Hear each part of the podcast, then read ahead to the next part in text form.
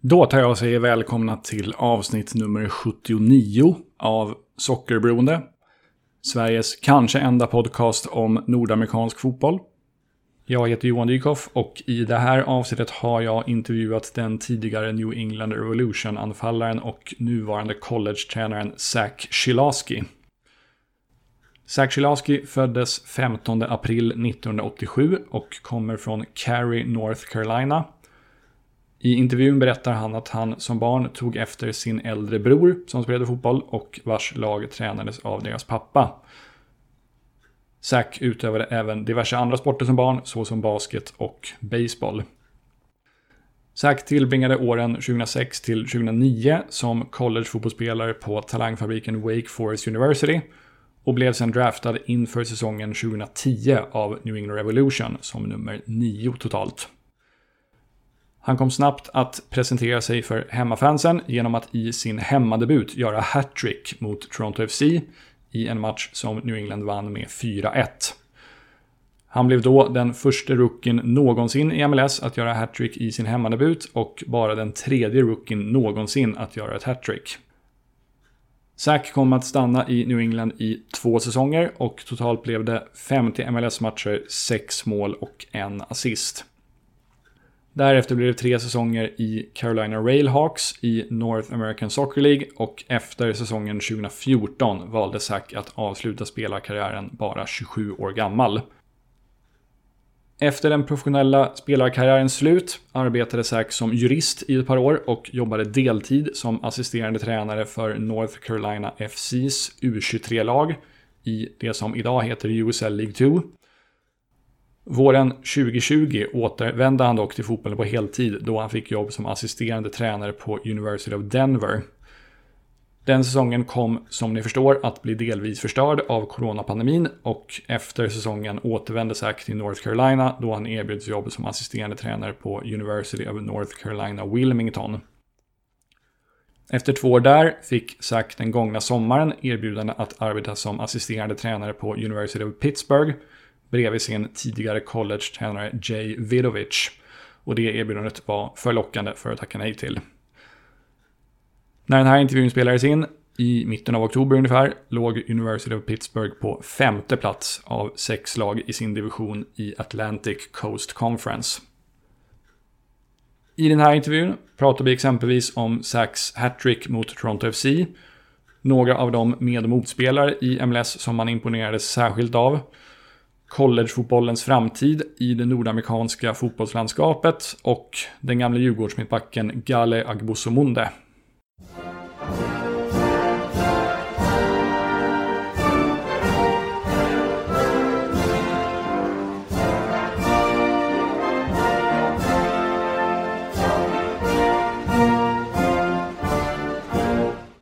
So to start off, um, as I mentioned, this interview will of course focus on you and your soccer career. But but since this is a, a, soccer podcast based in Sweden, I would like to ask you what comes to mind when you hear the words Swedish soccer. Well, that's a good question. Um, well, maybe because probably just because you just put it on the front of my mind, the the first guy I think of is uh, is probably Zlatan. Mm-hmm. Um, I think I mean uh, as a as a as a striker, I mean I think that's kind of there's been a number of good Swedish strikers that have that have come through that have made it, you know, on the international stage or on the European stage where where where I probably would more likely get the chance to see them. Um, and so I think uh, that's kind of the first thing that comes to mind is like good aerial game, um, intelligent players, uh, you know, able to find space, able to move off the ball really well and then the next thing, now that I'm a coach, I think about um, some of the some of the talented Swedish players that have come over and, and played college soccer. Right. Um, I had um, a couple. Um, I know um, where I got here, I was at UNC Wilmington, and there's been a tradition of good Swedish players or just Scandinavian players in general coming over and having success there. And also at the University of Denver, um, number where I was before there, mm. a number of Scandinavian Swedish players um, come over and have had success. Uh, very um very um hardworking, detail oriented students of the game want to know the ins and outs, want to know the very specific details of, of every movement and all the tactical elements that um we're trying to to explain to them. So fun players to to coach, and and yeah, as a, as an attacking player, a, stri- striker, fun players to watch. I think. Mm. Right. Uh, I looked through your former uh, teammates to see if you played with any Swedes, or at least anyone who has played in Sweden. I, I couldn't find any Swede, but I did, yeah. I did, I did come across Gale Agbossoumonde. Uh, he he had a short spell with uh, Djurgården in the Swedish league in 2011, and then you were teammates with him at uh, at the Railhawks. Railhawks, yeah, the year after that. Yeah. How do you remember yeah. him as a player? Yeah, he was a really, really promising uh, young player at the time, young compared to me, I guess, um, at the time, and um, good defender. Um, a high degree of athleticism, but um, really good passer of the ball. You know, that's uh, when you're playing up as an attacking player. That's kind of the first thing you see is some of your teammates that are defenders is are they going to be able to get the ball up the field to you? And he was certainly able to do that. Um, seems like a long time ago now, but yeah, only only positive memories of, of playing with him for sure. Um, and I think he had a, so, some stints with the national team as well as a young player. So mm. yeah, yeah. And in case anyone listening to this is wondering, he retired after the 2017 season. Uh, from what I could tell, he lives in the Syracuse area in New York State and is working as a financial advisor. So it seems seems like mm-hmm. things are going well for him. I need to reconnect with him. There you go. You forgot about that one. So I didn't. I didn't. I don't think I knew he, he made it to Sweden at one point. Yeah, yeah he had. Uh, I think he played maybe like eight or ten games uh, for Djurgården, a Stockholm-based team, the year before you were teammates. I had uh, um, a goalkeeper that I played with at Wake Forest, um, Brian Edwards. Oh yeah, um, he, I think he made it somewhere in the Stockholm area as well at one point, if I'm not mistaken. He, he played for a club called uh, Degerfors. It, it's not in, in the Stockholm area, but he. Um, I actually um, on a previous podcast several years ago, I actually interviewed him. Uh, I think okay. he had retired at that point, but uh, but he had like two or three years with uh, Degerfors, which is uh, they're in the Premier Division now. They were in the second division back then, I, I, think. Uh, he um, he was really good. I, rem- I remember him as being like one of the better goalkeepers in the Swedish second division at the time. Yeah, now really he's, not- he's doing he's doing well as a goalkeeper coach uh, here for for Charlotte FC as well. Yeah, yeah, tremendous guy as well. Um, moving on to your to your soccer career, uh, can you talk a bit about your childhood and what role sports and soccer in particular played in your life as a kid? Yeah, I think um, my earliest memories. Um, I have an older brother um, who played soccer amongst many other sports, um, and my dad actually coached his team, um, his soccer team. Um, and of course, as a lot of you know young kids, you want to be like your brother, you want to be like your dad. I, I, was no different. I followed them around everywhere, including uh, to their soccer practice.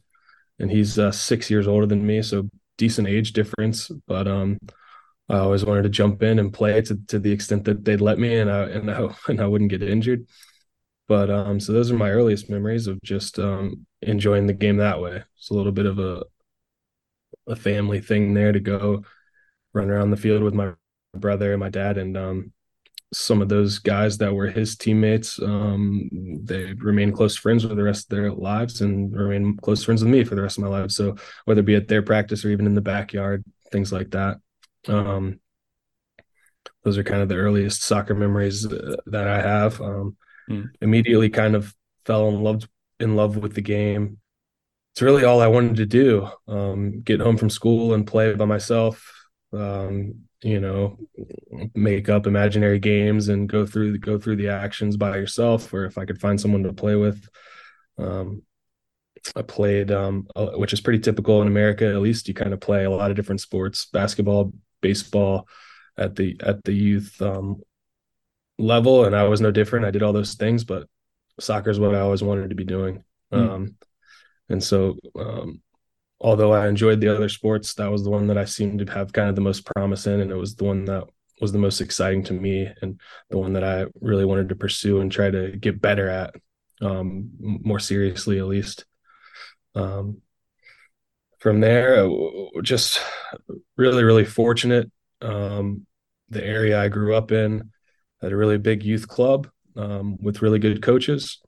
Um, you know, whether or not I knew it at the time, now looking back, just really fortunate for some of the coaching and instruction that I was able to get all the way through, you know, 10, 12, 14, 18 into college. Um, had really good teammates, really competitive teams. Um, CASL was the was the name of the club. Mm. That's now called North Carolina FC, which is um, a professional USL team um, now. But um, was fortunate that, that I had the opportunity to play for that club and have some really successful teammates and, and some good coaching that that kind of fostered um, my love for the game and, and really helped me improve um, to to the place I that that that let me, that that got me to play uh, have an opportunity to play in college rather. Right, yeah. right. And your hometown is Cary, North Carolina. Is that correct? Cary, North Carolina. Yeah, that's another fortunate one. Um, back when I was coming through, everyone played high school soccer as well. So mm-hmm. Cary High School um, had a really good high school team, which which a lot of my friends kind of on the club team didn't always necessarily have the same experience I did, but I had good coaching there and good teammates there. So I was, for the most part, pretty consistently in an environment where I could kind of keep getting better. Yeah. Mm, I see. Um, moving on to your college career, um, you spent four years at Wake Forest University, which is one of the better soccer programs in the United States. And I know that several of your college teammates made it to the professional level, just like you. Um, who do you remember as the most uh, like outstanding players from your time at Wake Forest? It's a long list. Mm-hmm. Um, again, really um, fortunate. The timing that I got to Wake was really special. Um, for a lot of reasons. We had a lot of good players, um, and some of those guys are still some of my closest friends. You know, still have a close relationship with a lot of those guys. Um, but yeah, like I said, it's it's a long list of guys that were really really impressive college players, and and guys that also went on to have really impressive pro careers. Um, gosh, uh, Ike Opara comes to mind quickly. He's like two-time MLS Defender of the Year. He was my teammate at Wake Forest. Um, gosh, Marcus Tracy, um, really, really impressive college player. Um, had a great pro career as well. Cut a little bit short by injuries. Mm. He was in at Aalborg in Denmark. In Denmark, excuse me, which you, you are probably familiar with. Um, Cody Arnoux went on to play for Everton. Um, Sam Cronin, um, really, gosh, one of the most consistent and, and, and impressive players that I've played with. Um, long MLS career, captain of multiple MLS teams, including being the captain out uh, my captain at Wake Forest. Hmm. Um, uh, yeah, like I said, it's it's it's a long, long list. Corbin Bone um, went on to have a long pro career, was an incredible player at Wake Forest, and then um, so my two of my two of my um, classmates that were in my class. So one of them still plays.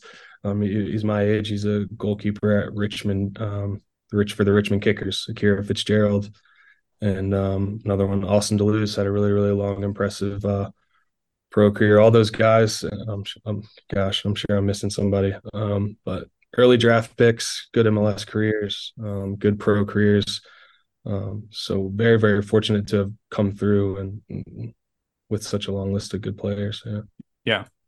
I, I was a huge fan of Ike Opara. Uh, I was really sad to see him struggling with injuries that badly that he did, and that he also had to retire way too early. I think he could, pro- if if it hadn't been for all the injuries, he could probably still be playing.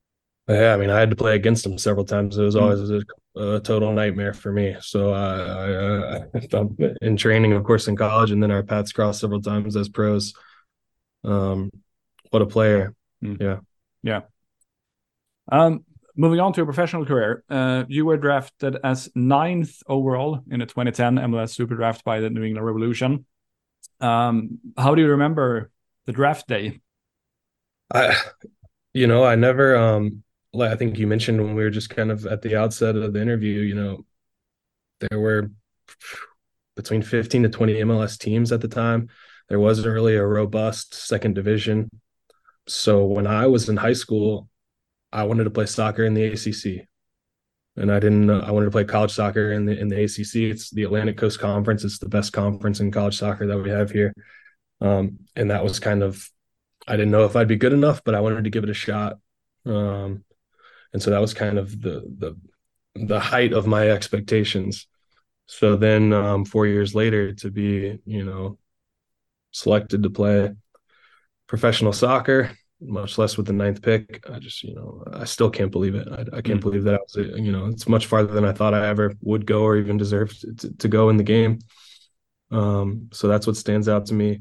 The, the next one that stands out to me is um, I thanked the wrong team at the draft. I don't know if you, I don't know if you've heard that story. Oh no, go ahead. yeah, I, I was drafted by the New England Revolution, and I was so excited and nervous to go up and give my draft day speech that I I, I think I thanked the Columbus Crew, who had the pick uh, right before that.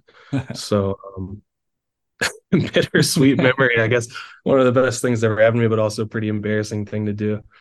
Um, so I, that that comes to mind. I have to share that. Um, I was there with my dad. Really special moment. Um, Coach Vidovic, um, who I work for now, was was there. That was meant a lot to me. Um, and and I don't know if we realized how special it was at the time, but it was at, at, Wake Forest. You know that list of players I just named. We were having a lot of players drafted early all the time. So mm-hmm. for me to be a part of that tradition and be there with my teammates and, and best friends was was was really really cool. And um, yeah, I was just excited to to get started on the next part of the of the journey. There, it was was kind of playing with house money, as we say. Mm-hmm. I, I never thought I'd get that far and was so excited to see how far I could take it. Yeah. Yeah. And even though you were uh, like an early draft pick and highly rated coming out of college, um, was it like difficult coming in as a rookie and trying to prove yourself in a professional setting? Yeah, of course, of course. Um, I've, I was um, a fan of MLS before I was able to be a part of it. I think it's a great league. Um, I think there's great players and so it's really difficult to adjust. I think one of the unique things about MLS is that you are drafted. And so you don't really have a choice as to which team you go to, whether you like the team, whether you think it's a good fit for you, whether you think you'll have success there or not. You just have to go and give it your best shot. Um, and so there's plenty of things that are out of your control. Um, so that's a major adjustment. You're going to a place that maybe uh, no matter what, it's going to be different than the college environment that you came from. I was fortunate that I was in a college environment that prepared me really well to get to preseason and fight and earn a spot. But it's difficult. It's it's difficult. There's not a lot of preparation that you can do. You're just drafted by a team. You learn as much as you can in a short amount of time, and you get there and try to and try to do your best. Um, it's uh, it was I had a, a good start. I adjusted fairly well, is my recollection, for the first month, two months, three months. But but even then, it, it catches up to you eventually, and mm. so you have to be able to deal mentally and physically with a longer season than you're used to, um, more physicality and and more athleticism than you're used to. Um, and so I think that's the biggest challenge is to maintain, to sustain. Like once you acclimate, how long can you hold on to it and keep mm. performing at a high level? Yeah, and uh, speaking of acclimating, in your home debut for the Revs against Toronto FC, you scored a hat trick, and by that you became uh, the first rookie in MLS history to score a hat trick in his home debut, and just the third rookie in MLS history to score a hat trick. Uh, how do you remember that game? I suppose that that must. I suppose you regard that as one of your highlights of your professional career. Yeah, of course, it's at the top of the list there as I said before, I had just been a fan of the league for so long, growing up and watching games. To even even in a small way, like no one knows that that that statistic that you just threw out there, but but it is true. And so in my own small way, I kind of wrote myself into the history of of, of that league. Um, so that's just it even seems crazy saying it to you now that that that that it took place, but it did take place. It was it was awesome. It was amazing. I remember my brother being there and being so happy for me after the game. Um, he, other than that, I think it's it's a little bit of a blur. The goals, all three goals happened pretty quickly in short mm-hmm. succession. Um, and of course, you you just think that's the way it's going to be. You know that uh, uh, it'll be. I'll get another hat trick in a few weeks. That's not exactly how it went for me, but but um, yeah, really really cool experience for me. Like I said, beyond anything I thought I, that I that I'd achieve in the game. Yeah. I, I didn't watch the game, but I know I watched the highlights, and I remember that Tron FC they had a, a left back from I believe Latvia, and mm. he made like his I think he made his MLS debut in that game, and he was absolutely torched by Sainey uh, Sainey on, yeah. on, the right wing. yeah. So uh, I was smart enough at least to know to, to get in front of the goal when, yeah. when, when that was taking place. Yeah, Sainey and Kheli Dube, I think as well. Yeah, got at least one assist there. Um, yeah, good memories to think back on playing mm. with those guys for sure. Yeah, yeah. Um, and after that game, you scored uh, two more goals in the 2010 season and one goal in 2011. And after that, you were waived by the Revs. Um, mm. Like overall, how happy are you with your spell in New England? Yeah, I think overall, relatively pleased with it. I think um, in the context of the history of that that team in the league, New England had been a top team for a long time, um, making MLS Cup finals. By the time I got there, it was a little bit of uh, some of the some of those top players had moved on or retired. Um, thinking, you know, Steve Ralston. If you go back even farther, Clint Dempsey. Um, mm. uh, Taylor Twellman had Michael, probably retired. Michael Parkhurst, James yeah. Riley, those guys. It. Sorry, who'd you say? Taylor Twellman had probably retired. Taylor Twellman and I overlapped for one year, mm. um, but he was having, um, you know, he wasn't he was unable to play that year because he mm. had some concussion issues, which um, is good and bad, right? That meant that I got to play um, a lot, but uh, the plan, of course, was would would probably be uh, for me to sit and watch and learn him, learn from mm. him uh, for a little bit longer. So those are the kind of the pros and cons. Uh, it was unbelievable that I, I, was able to play right away and and get some minutes. But in terms of my development, maybe maybe not the best. Um, we didn't win a ton of my, a ton of games during my spell there, unfortunately. Mm. Um, and so it was a lot of uh, it was a little bit of a grind from a from a playing standpoint to try to eke out some some wins and some goals um, for the team so yeah, I think it goes back to kind of my initial comments on the uniqueness of the league. You you don't get to control those things. I think maybe some other teams that that would have suited what I was able, what my strengths were and my weaknesses were. But you you you go where you get the opportunity and you try to make the best of it. And I I think I did that. I think I certainly I certainly worked hard at it every day. Um, just performance sometimes uh, didn't get enough goals and and in my mm. position. That's that's what that's what I needed to do. Yeah. Speaking of your strengths, uh, for those who never got the opportunity to see you play, what what what kind of striker were you? Yeah, I think um, a lot of it was popular to just play with one striker at the time. Um, I think I'm kind of more of a second striker or, or a guy that plays underneath. Um, I think uh, I, I, my movement off the ball, I think, um, was certainly one of my biggest strengths.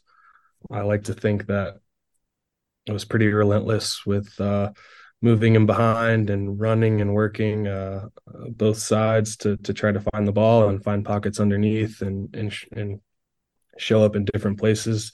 Kind of that game within the game that you play with center backs to try to find a pocket of space, and then when they see you, go find a, a, a new space. Um, so I think that that was a strength I had is just movement off the ball. I think um, when I was really at my, at my, best, I could finish finish pretty well um, from different areas of the field. Um, able to find my teammates, worked hard defensively uh, in the press, um, tried to really be the first line of of defense for the team. That's something that I definitely learned at Wake Forest. That's the way mm. we played um, to try to go and win the ball back as, as high up the field as we can. So yeah, I think I, I think um, those were some of the things that I was able to bring to the, to, to the game. At the MLS level, though, if um, if your team doesn't have a lot of the ball, uh, then I struggled a little bit. Obviously, I'm I'm five ten, um, not the quickest guy, at least by MLS standards. So um, could could have, should have, would have, probably would have been nice to to be a little bit better with my back to goal, be a little stronger to hold the ball up if if I'm playing as a lone striker. Um, yeah. Um, and then in 2014, after three seasons with the Carolina Railhawks in NASL, you retired from professional soccer at 27 years of age. How did you arrive at that decision? Yeah, it's a tough one. Um, I really enjoyed my time with the Railhawks. Um, uh, it was kind of back in my hometown. I think that that level for me was was a good one. I was an effective player in that league, I think, and we had some really good teams but I just um, I think I started to kind of feel like that's where I was gonna that's where I was gonna stay. I didn't I didn't feel confident that I was gonna make it back up to MLS. Um, I didn't know that I was really um, improving a lot as a player. I think I just kind of found a little bit of my comfort zone. Um, and I kind of had to make a decision as to whether I was going to keep doing that for a number of years until my body wore out, or if I should start thinking about the next thing. Um, I've always enjoyed school. Education's always been kind of a, a big thing in my life, um, kind of instilled in me from my parents. I've always strived to do well. I've always um, liked learning and going to school. So I knew I was going to go to grad graduate school of, of some sort. I kind of took the off season there before the 2020 or the 2017 year to apply to schools just um because you know in, in, in the off season as a pro soccer player you have the time to do that um so i just applied to schools with no commitments just to see what would come back um ended up uh you know getting into to to a few law schools there kind of um once i once i kind of laid out the plan i thought it i thought it would be a good one for me so mm. um I went to the Railhawks and and kind of was upfront with them and told them that I'd applied to law school and I was going to go in August and um, put it in their hands essentially. You know, if they needed to find a new player, I, I could step back. If they wanted to keep me around, I'd be more than happy to keep playing as long as they let me. And and uh, was fortunate that they kind of let me see out the rest of the year um, there. And it's funny as a striker, you know that when the pressure was off and it was kind of like, oh, I know this is gonna be my last game. All of a sudden, it, you start you start playing a little bit better again, and the, the goals start coming again. So it's kind of funny how that works once you just playing with a free mind um, and a little bit less pressure. How uh, how that happens. Yeah. um, I, I, suppose like you don't get rich by playing in the NASL. How how much did the finances? Uh, what was finances uh, factor as well? Yeah, they were. Uh, mm um you you you make enough to where you can justify it by like this is i mean it's an unbelievable job right? You get to play soccer for a living. So as long as you can survive you, you feel like it's a good a good deal. At least that's that's how it used to be. Maybe maybe not so much anymore but that, that was kind of the mind frame for a lot of us at the time or the mindset for a lot of us at the time. But yeah i think long term you have to start thinking how how much longer is this like a responsible thing to do. Um and it's funny that you know now I'm back in the game, but at the time I didn't I, I didn't think I would. I thought I'd move on and I'd be excited to try something else. I've been doing soccer for I guess at the time 30 30 years or whatever. Be fun to try something else. Um, and so I was excited about the opportunity to kind of to go in a different path. Um, but certainly the off seasons can be difficult when those kind of questions start creeping and a lot of a lot of a lot of deals are one year one year deals, mm. and so the season ends and you're kind of waiting to hear from the club what's going to happen next. It can be a little bit uneasy, and so th- that wears on you as a player. You kind of have to think, how much longer am I going to keep living kind of year to year like this? Right. Um, looking back on your playing career, uh, who was the best player you played with and against, respectively?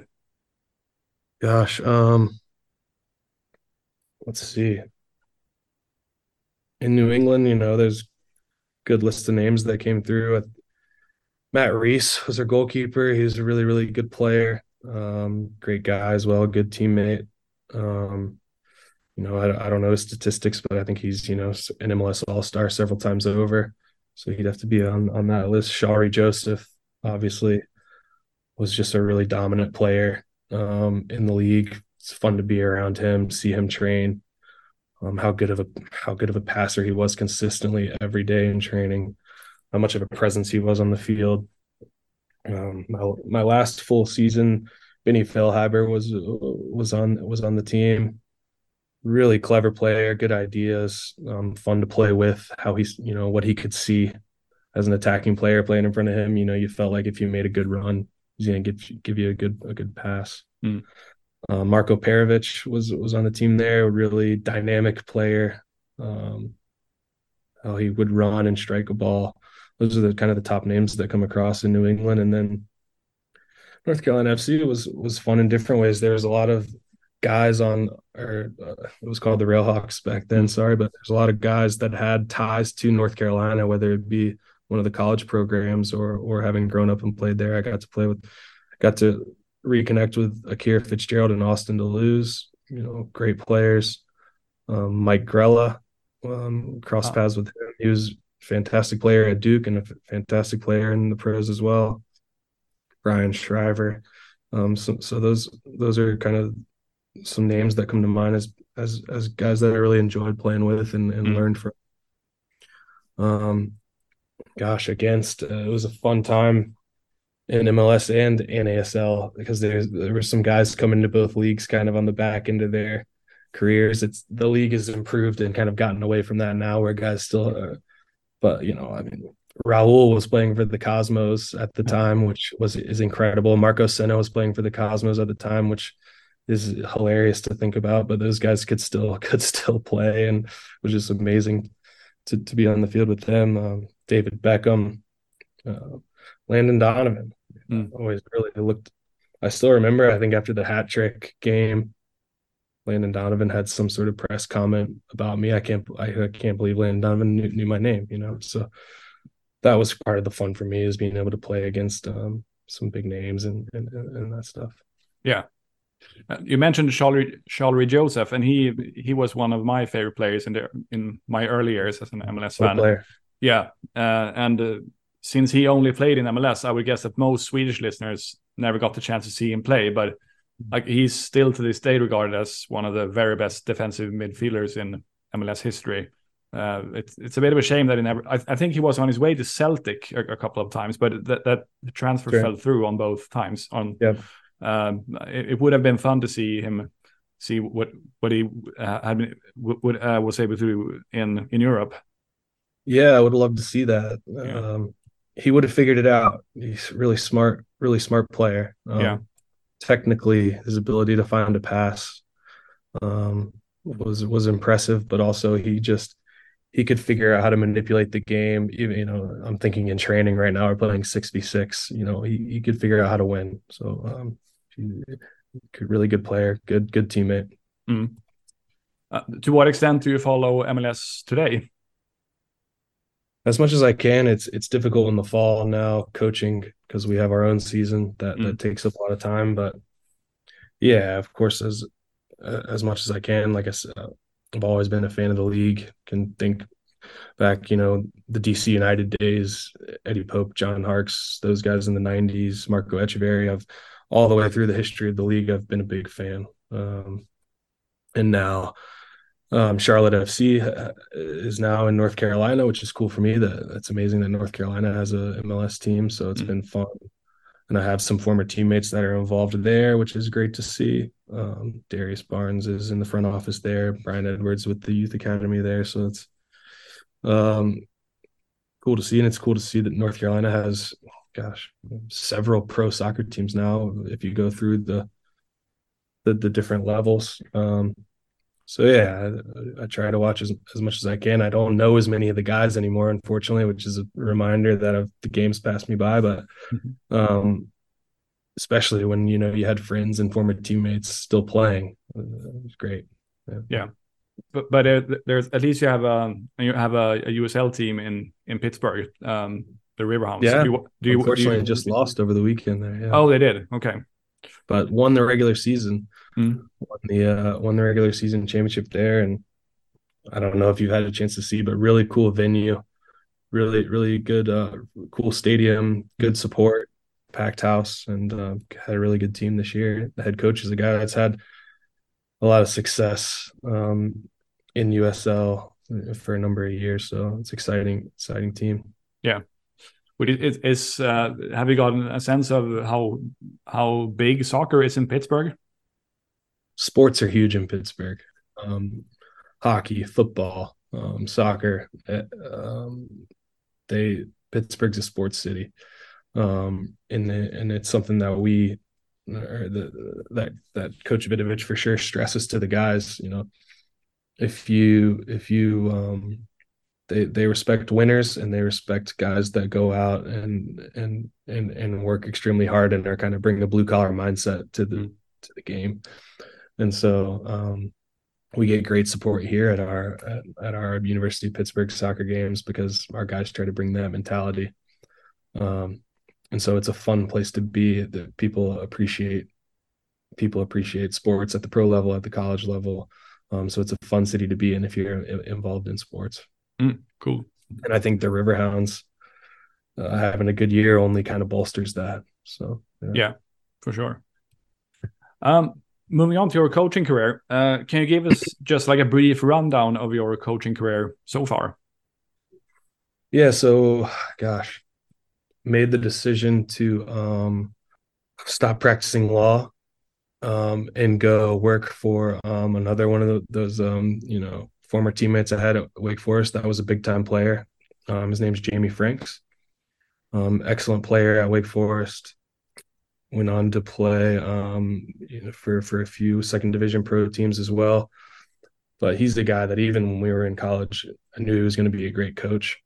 Um, and he was uh, he had the foresight to kind of realize that that was the path he was going to go in. So he got he got an early start at it, and has had a great a great um, coaching career at the University of Denver.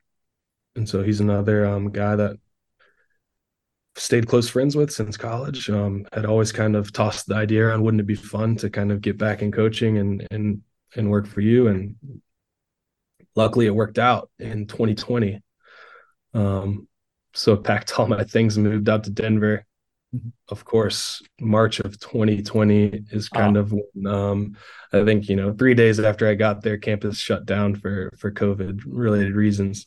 So it was a weird year to have my first year kind of coaching soccer um, full time. I had coached some under 23 teams for North Carolina FC in the past, but being a full time coach, um, that was my first stint there with Jamie at Denver.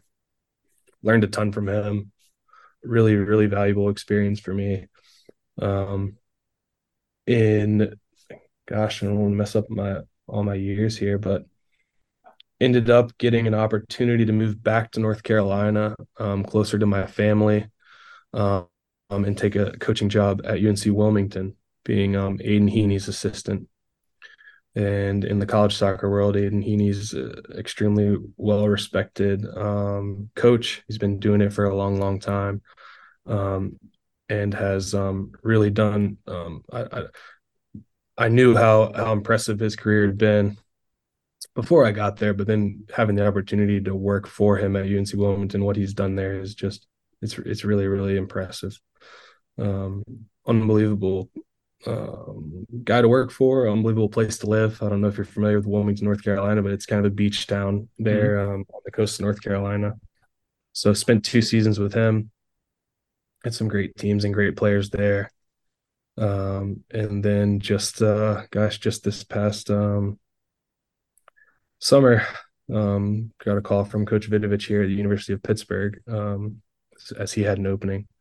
Um, so tough decision to leave North Carolina where I have so much, so, so many roots, but um, couldn't really pass up the opportunity to get back in the ACC hmm. um, conference, and and couldn't really pass up the opportunity to kind of reunite with with Coach Vidovic. Um, taught me so much about the game when I played for him at Wake Forest, and um, you know, it's I'm still learning a ton from him every day here. So it's been it's been a great great experience for me so far. Yeah, so yeah, three universities there in a relatively short amount of time. Um, learned a ton from from three uh, from three really good coaches. Yeah. Mm.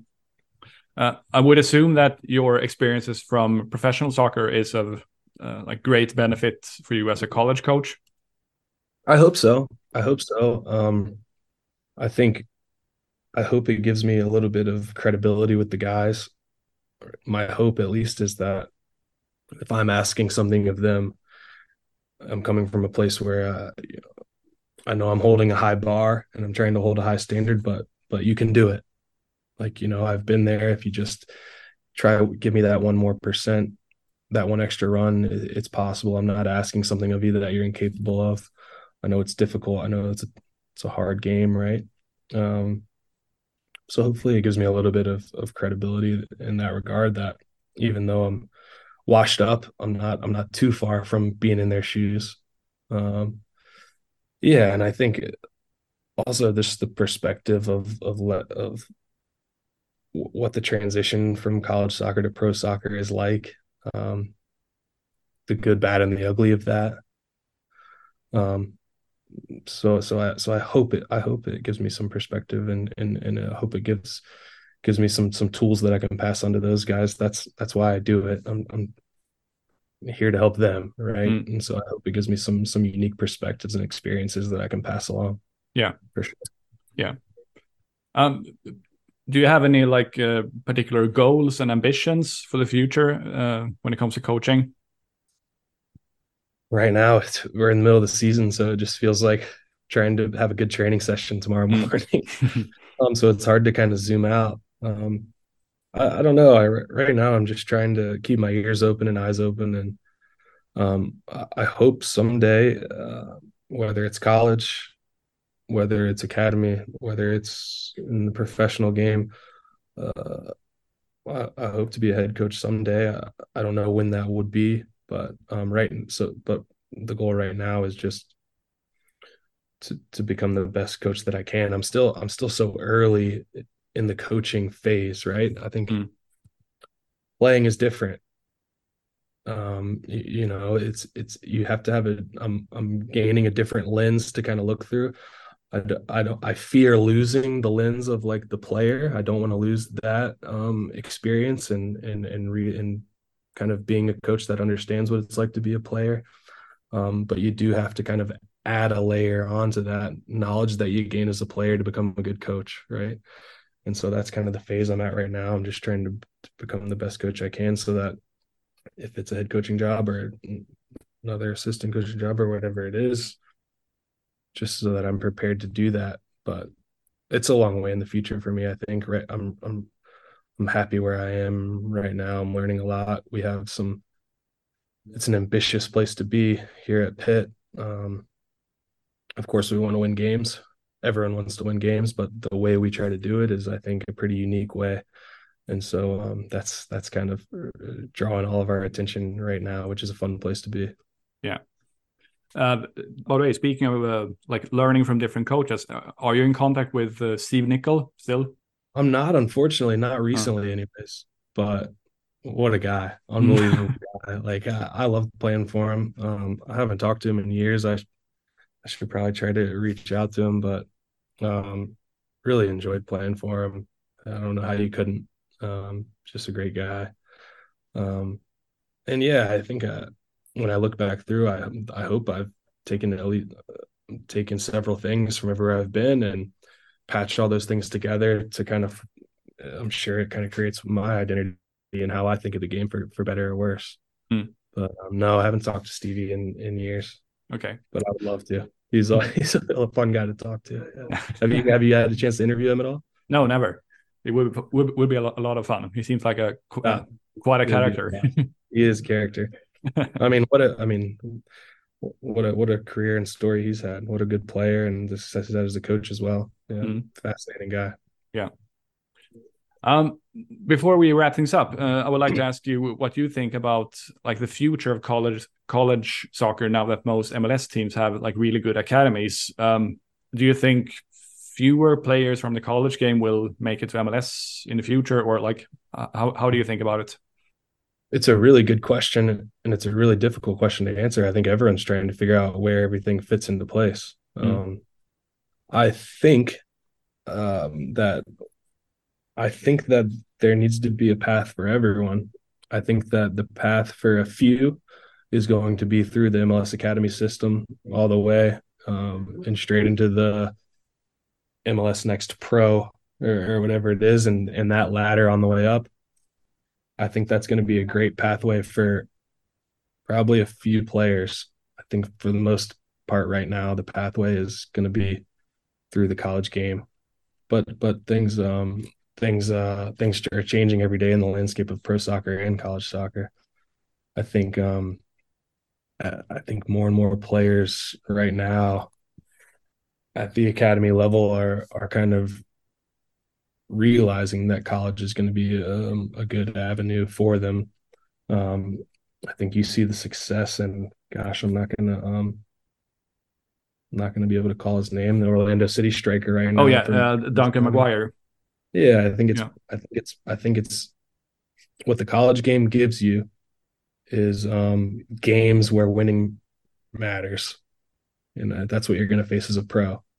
Um, and so I'm hopeful for the college game, but but there's a lot of questions around college soccer as well right now. Um, so it's it's an exciting landscape, but gosh, uh, my my answer may change tomorrow. Obviously, I'm rambling. I think there's a million different possibilities, but it's it's it's an exciting like when I was coming out, there was college, and then there was the 15 MLS teams, and that's mm. what you did.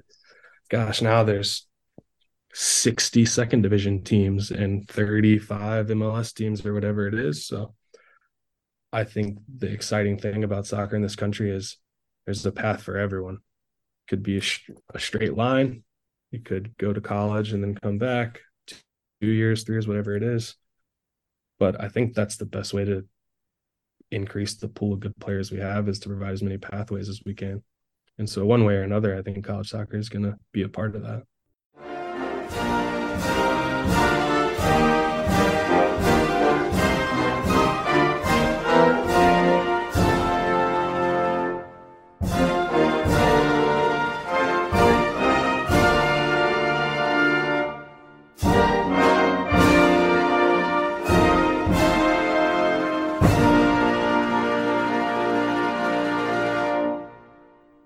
Sådär ja, då tar vi och tackar Zach Schilowski för att han tog sig tid att ställa upp på den här intervjun och vi önskar honom givetvis allt gott framöver där borta i Pittsburgh. Tack så mycket för att ni har lyssnat på det här avsnittet. Ta hand om er så hörs vi förhoppningsvis snart igen i nästa avsnitt av Sockerberoende. Ha det så bra. Tja tja.